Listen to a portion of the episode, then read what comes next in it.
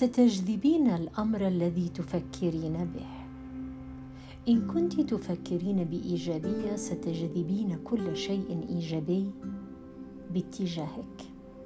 وإن كنت فقط تفكرين بالمشاكل والسلبية وبالظلامية فإنك ستجذبين إليك جميع القوى السلبية. فأنت مغناطيس. ما هو موجود في عقلك؟ سيسيطر على هذا المغناطيس وسيجذب الأمر الموجود في دماغك. تذكري دائما أنك إن خفت من أمر ما فإنه سيأتي إليك لا محالة. إن خفت من الفشل ستفشلين. إن خفت من إنهاء علاقة مع شخص تحبينه ستنتهي.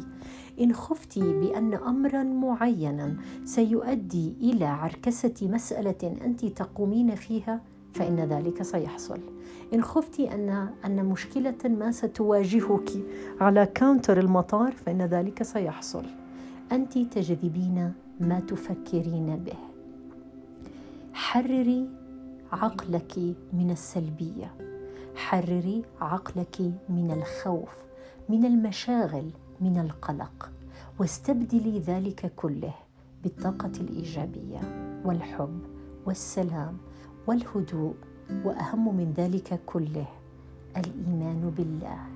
مساء الخير.